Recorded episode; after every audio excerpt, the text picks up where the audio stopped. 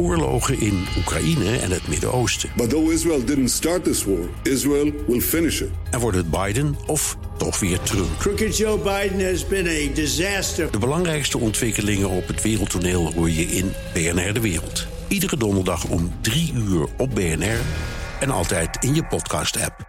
The Donald Show.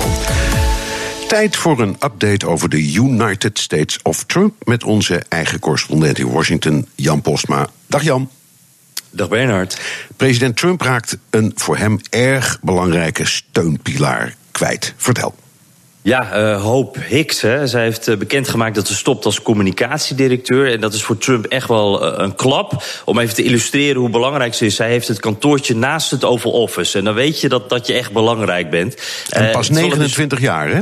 Ja, klopt. Dat is wel bijzonder. Want zij is toch al, ze is nog maar 29, maar al jaren bij Trump uh, werkt ze. Ze is model geweest uh, voor, voor Ivanka's kledinglijn. Ze heeft ook voor Ivanka Trump gewerkt. Ze is assistent geweest voor Trump, al tijdens de campagne en ook dus in het Witte Huis.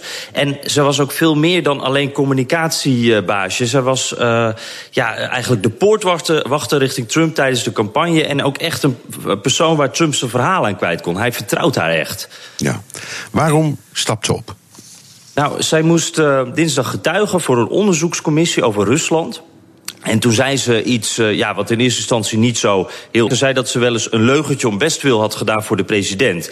Uh, maar ja, ze was natuurlijk het hoofd communicatie. Dus dat werd wel groot opgepakt. Als uh, die al liegt, wie moet je dan nog geloven in zo'n Als je woordvoerder liegt, wie kun je dan nog geloven? Ja, precies. Ja, ja. klopt. Dat was precies het verhaal. Dus ze kreeg toch heel journalistiek Amerika in ieder geval over zich heen. En ook Trump, want die zou nogal boos zijn geworden dat, dat ze dit toe heeft gegeven. het is prima dat je dan af en toe een leugentje voor de president doet, vindt Trump zelf ook. Maar dat moet je natuurlijk nooit toegeven. Dus hij zou iets geroepen hebben van hoe kon je dit nou doen? Ja, dan moet je je voorstellen, die Hope Hicks die had net uh, negen uur lang was ze gegrild door zo'n commissie. En dan krijg je ook nog eens een keer van je baas een veeg uit de pan. Dus dat zou dan de druppel zijn geweest. Maar wat ook nog mee zou kunnen spelen, zij had ook een relatie met Rob Porter. En dat is de man die uh, een weekje geleden moest opstappen omdat hij zijn uh, ex-vrouw zou hebben geslagen. Dus nou, het is de West Wing, maar af en toe voelt het een beetje als goede tijden, slechte tijden. Ja, ja. Um, andere vertrouweling, Jared, uh, Jared, Kushner, de, de ideale schoonzoon van Trump, die een belangrijke rol heeft of had. Um, en die zit ook in de problemen. Vertel. Ja, inderdaad, wat je zegt al had. Nou ja, hij, hij, heeft nog steeds wel een paar hele grote dossiers die hij moet uh, uh, ja, verzorgen. En hij is ook nog steeds wel een vertrouwen van Trump. Maar hij, hij ligt steeds meer onder vuur eigenlijk. Hij, hij, raakte deze week zijn hoogste security clearance kwijt. Hè. Daardoor kan hij niet meer bij alle onderwerpen meepraten. Dus af en toe, als er in de Situation Room of op een andere spannende plek uh, echt over belangrijke dingen wordt gepraat, dan moet hij de, de, de, de zaal uit. Nou, dat is nogal pijnlijk natuurlijk. Dat verzwakt hem nogal.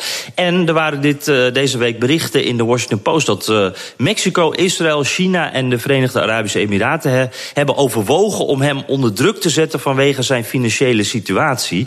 Um, ja, hij, heeft, uh, zijn familiebedrijf heeft uh, grote financiële problemen. Die zijn heel hard op zoek naar investeerders. Uh, onder leiding van Jared Kushner hebben zij een enorm grote vastgoedaankoop gedaan op Manhattan. Vlak voor de crisis. Nou, dan weet je wel een beetje hoe dat gelopen is.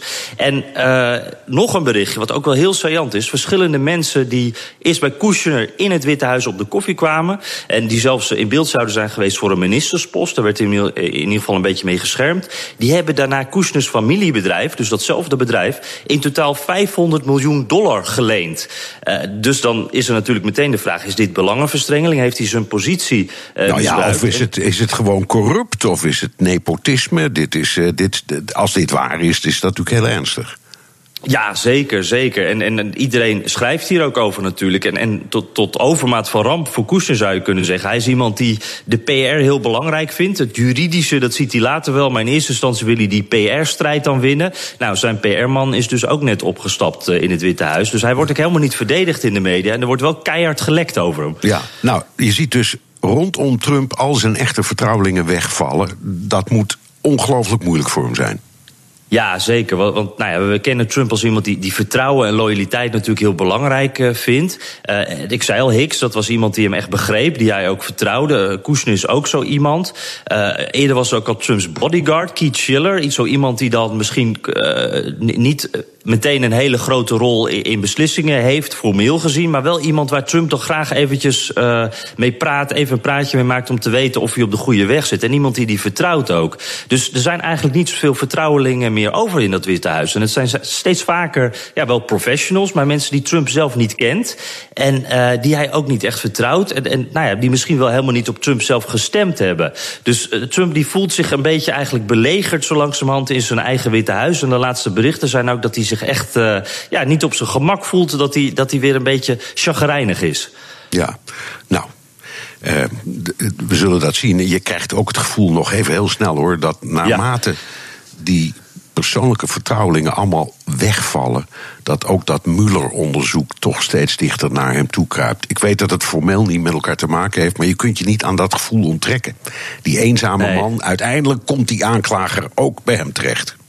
Ja, dat, dat zie je ook nou wel. Uh, Kushner die staat natuurlijk zo dicht bij hem. En Hoop Hicks ook. Dit zijn de mensen echt in de binnenste schil. Uh, direct om de president heen. En, en als dit mensen zijn die opstappen. En ik denk dat, dat Trump dat zelf ook zo voelt. Dus uh, dat is op dit moment een heel eenzame man in dat Witte Huis. Die, die met een, ja, ik weet niet of het angst of afgrijzen of, of wat het is. Maar die in ieder geval Muller aandachtig in de gaten houdt. Ja, dankjewel Jan Postma.